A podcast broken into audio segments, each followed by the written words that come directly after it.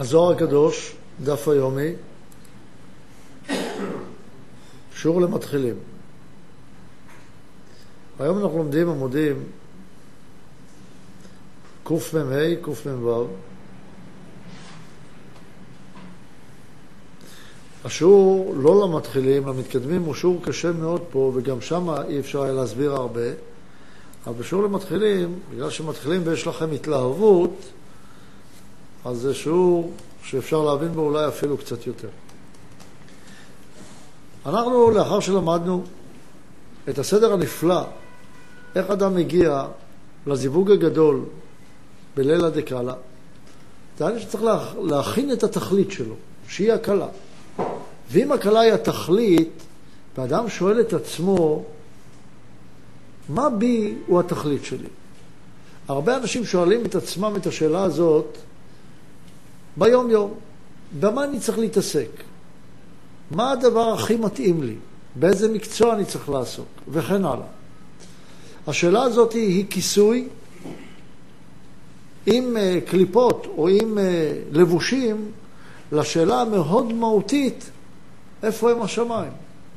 מהי התכלית? והרי בראשית ברא אלוקים את השמיים.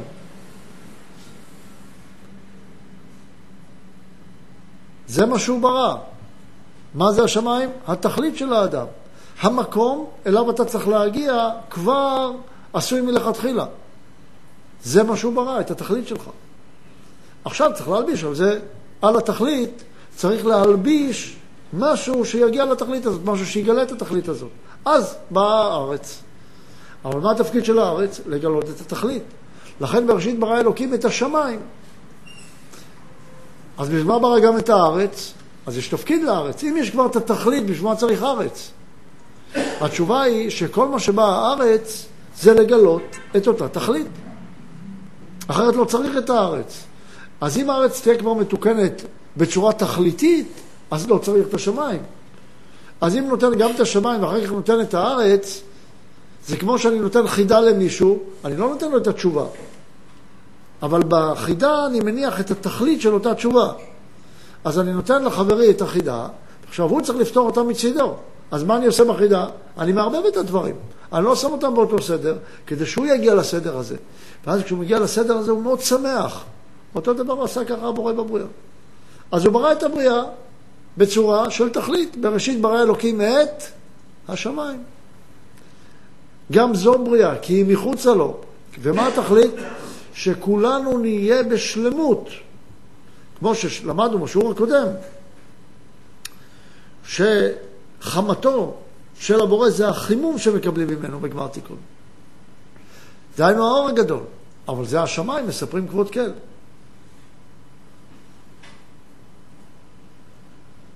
אבל כשבאים לארץ, אומר לנו, בארץ הייתה תוהו ובוהו. אבל זה מצוין שזה ככה. תארו לכם שאומרים לך, תגיד, כמה זמן אחר מלחמת ששת הימים? או איך קוראים לראובן? ראובן. זה לא חוכמה. שאל אותי שאלה שאני אוכל להתאמץ בה.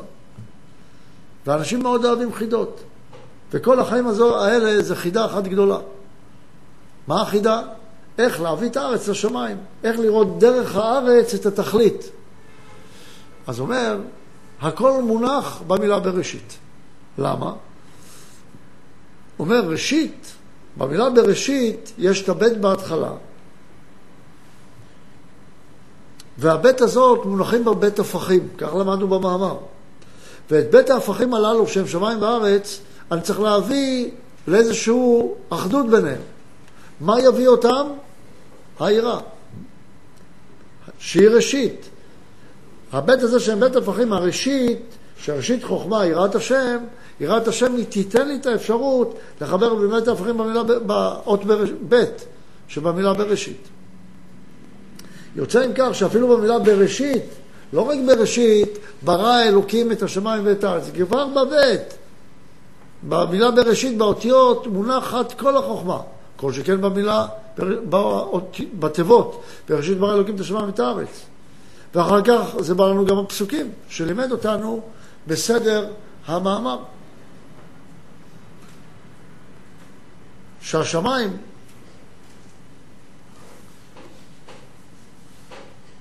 שתורת השם תמימה,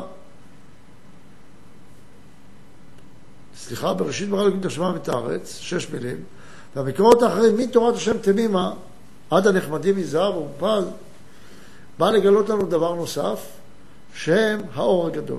ואת זה אנחנו רוצים ללמוד. ודרך זה אנחנו מבקשים ללמוד איך חושבים. איך האדם צריך להתחיל את תחילת המחשבה שלו, עד שהוא מגיע לתוצאה שנקראת שם השם, שזה ההוויה. ופה אנחנו רוצים ללמוד את זה ממה שכתוב בקמ"ה. ובואו נראה את זה בקמ"ה, קודם נקרא ואחר כך נסביר בעזרת השם. אומר כך, שש פעמים כתוב כאן הוויה. איפה כאן? עכשיו נראה את זה בפנים. כך כתוב, שש פעמים כתוב כאן הוויה. מה זה כאן? כאן הכוונה היא בפסוקים בפרק י"ט, מתורת השם תמימה, שישה פסוקים זה עד שגיאות מיבין מנסתרות נקל. עד שם זה שישה פסוקים. שם כתוב שש פעמים הוויה. ושישה פסוקים הם מן השמיים מספרים עד תורת השם תמימה, כך הוא כותב, אבל מה שהוא כותב, השמיים מספרים זה הפסוקים הקודמים להם, זה שישה פסוקים של הוויה, ששם זה מתחיל מפסוק ב' בפרק י"ט, השמיים מספרים, עד ון נסתר מחמתו, זה סוף הפסוק, פסוק ז', שעד שם יש שישה פסוקים. ועל סוד זה כתוב בראשית, שבו שש אותיות. משמע שיש שורש לכל זה מצד אותיות ותיבות.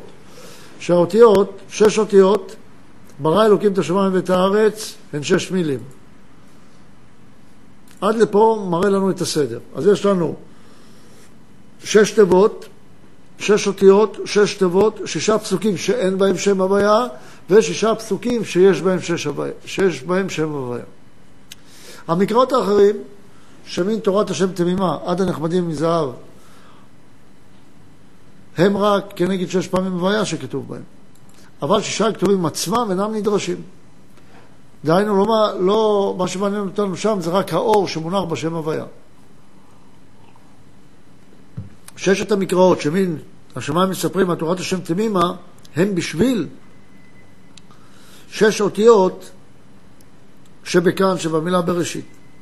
לגלות השורש שמונח באותיות בראשית. ששת השמות הם בשביל שש המילים שבכאן, שהם ברא אלוקים את השמיים ואת הארץ. אז מה הוא אומר? מה אנחנו רוצים להבין זה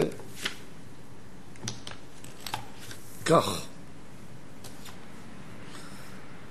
אומר שיש בהתחלה את האותיות שהן בראשית. האותיות זה מפגש הראשון של המחשבה. מפגש המחשבה זה מה שמגיע אליך למחשבה בפעם הראשונה.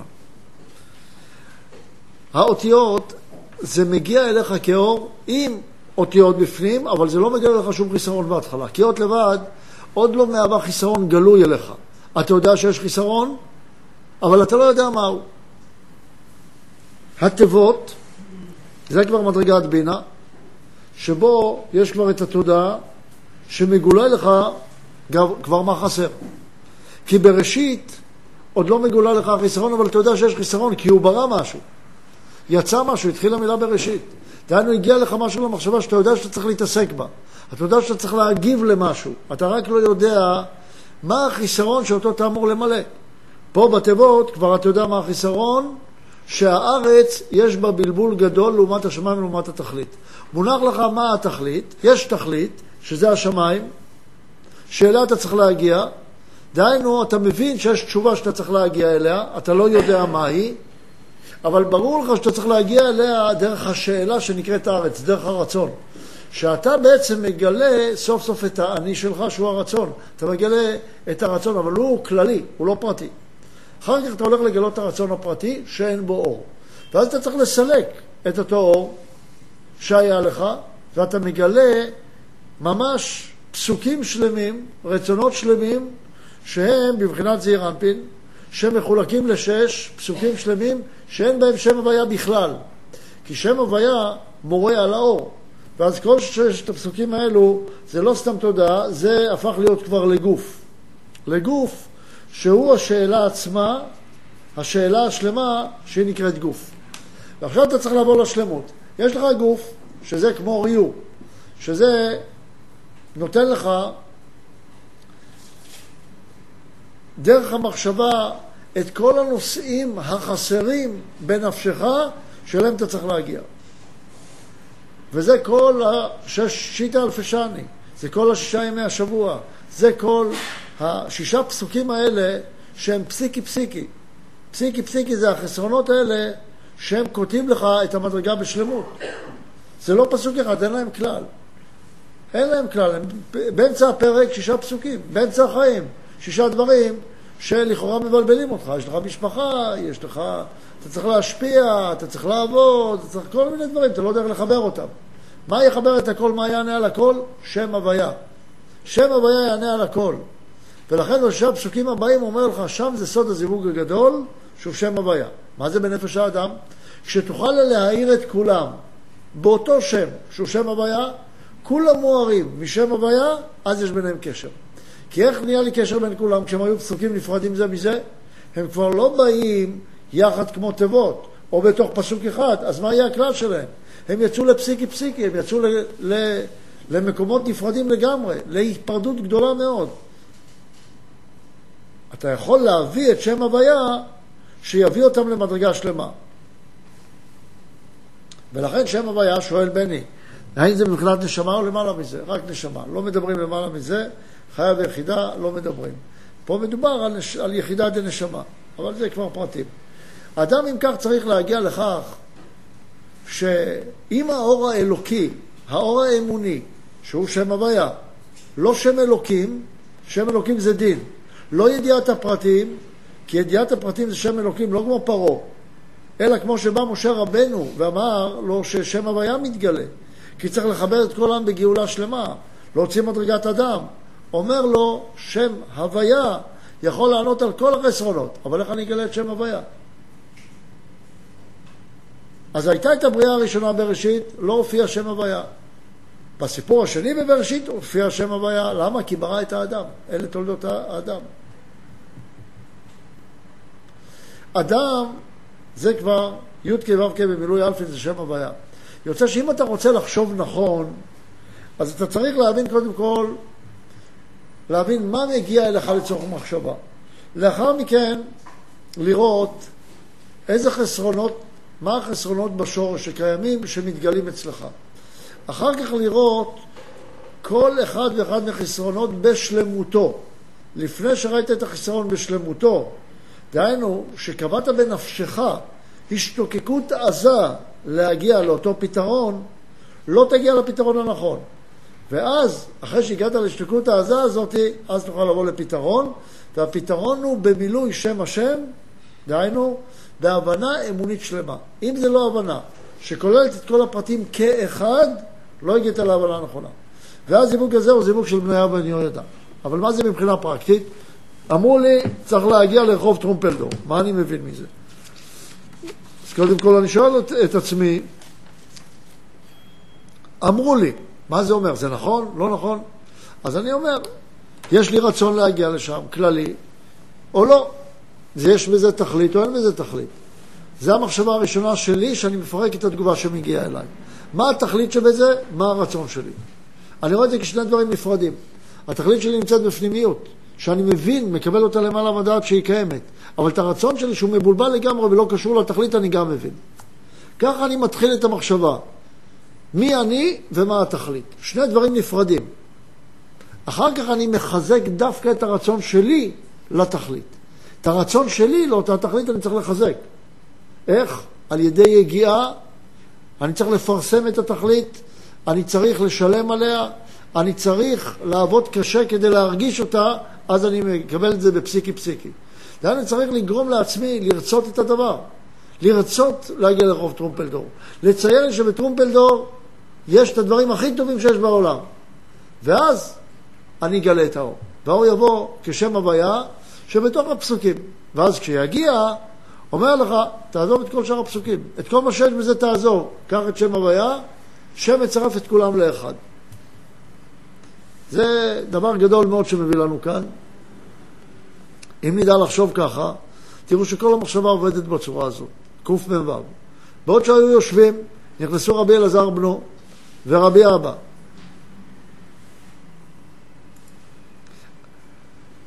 שהם ראו את המדרגה הגבוהה, זאת אומרת, הם זכו להערה שהאירה את כל הרצונות החסרים שלהם. אמר להם ודאי פני השכינה באו. ועל כן קראתי אתכם פניקל. מי זה השכינה? זו שמצרפת את כל הרצונות לרצון מרכזי אחד, שהוא אותיות פניקל. כי ראיתם פני השכינה פנים בפנים.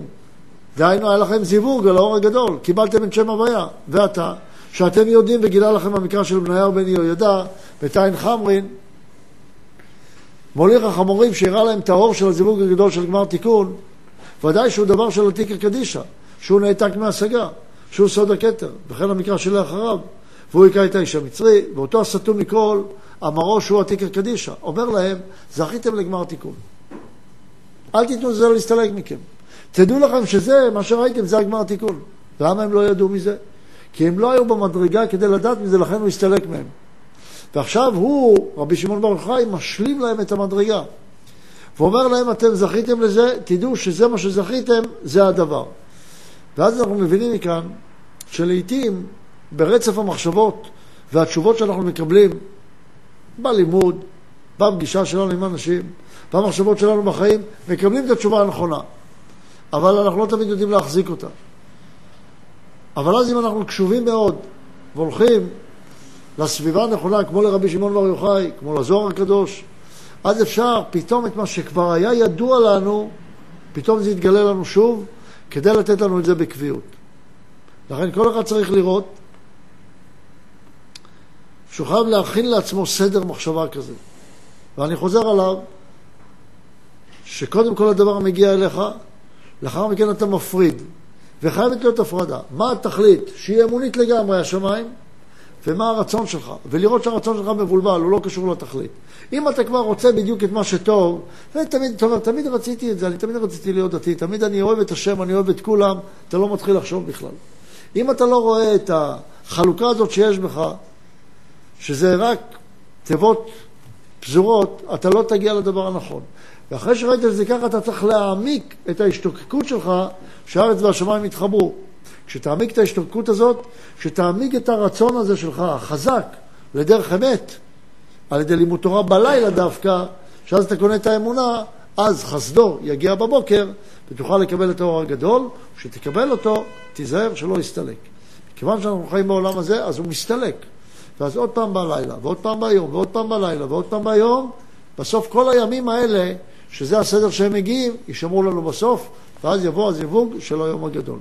אנחנו לא צריכים ללמוד בשיעורים הבאים, שיעור הבא שמסיים לנו את המאמר, יספר לנו מהו בילה המוות לנצח, מהו הזיווג הגדול הזה, מה הציור הזה של גמר תיקון, שאליו צריך להשתוקק הן מצד הפרט, הן מצד הזמנים הפרטיים והן מצד הכלל. ואת זה נראה בעזרת השם מחר. עד כאן היום, תודה רבה.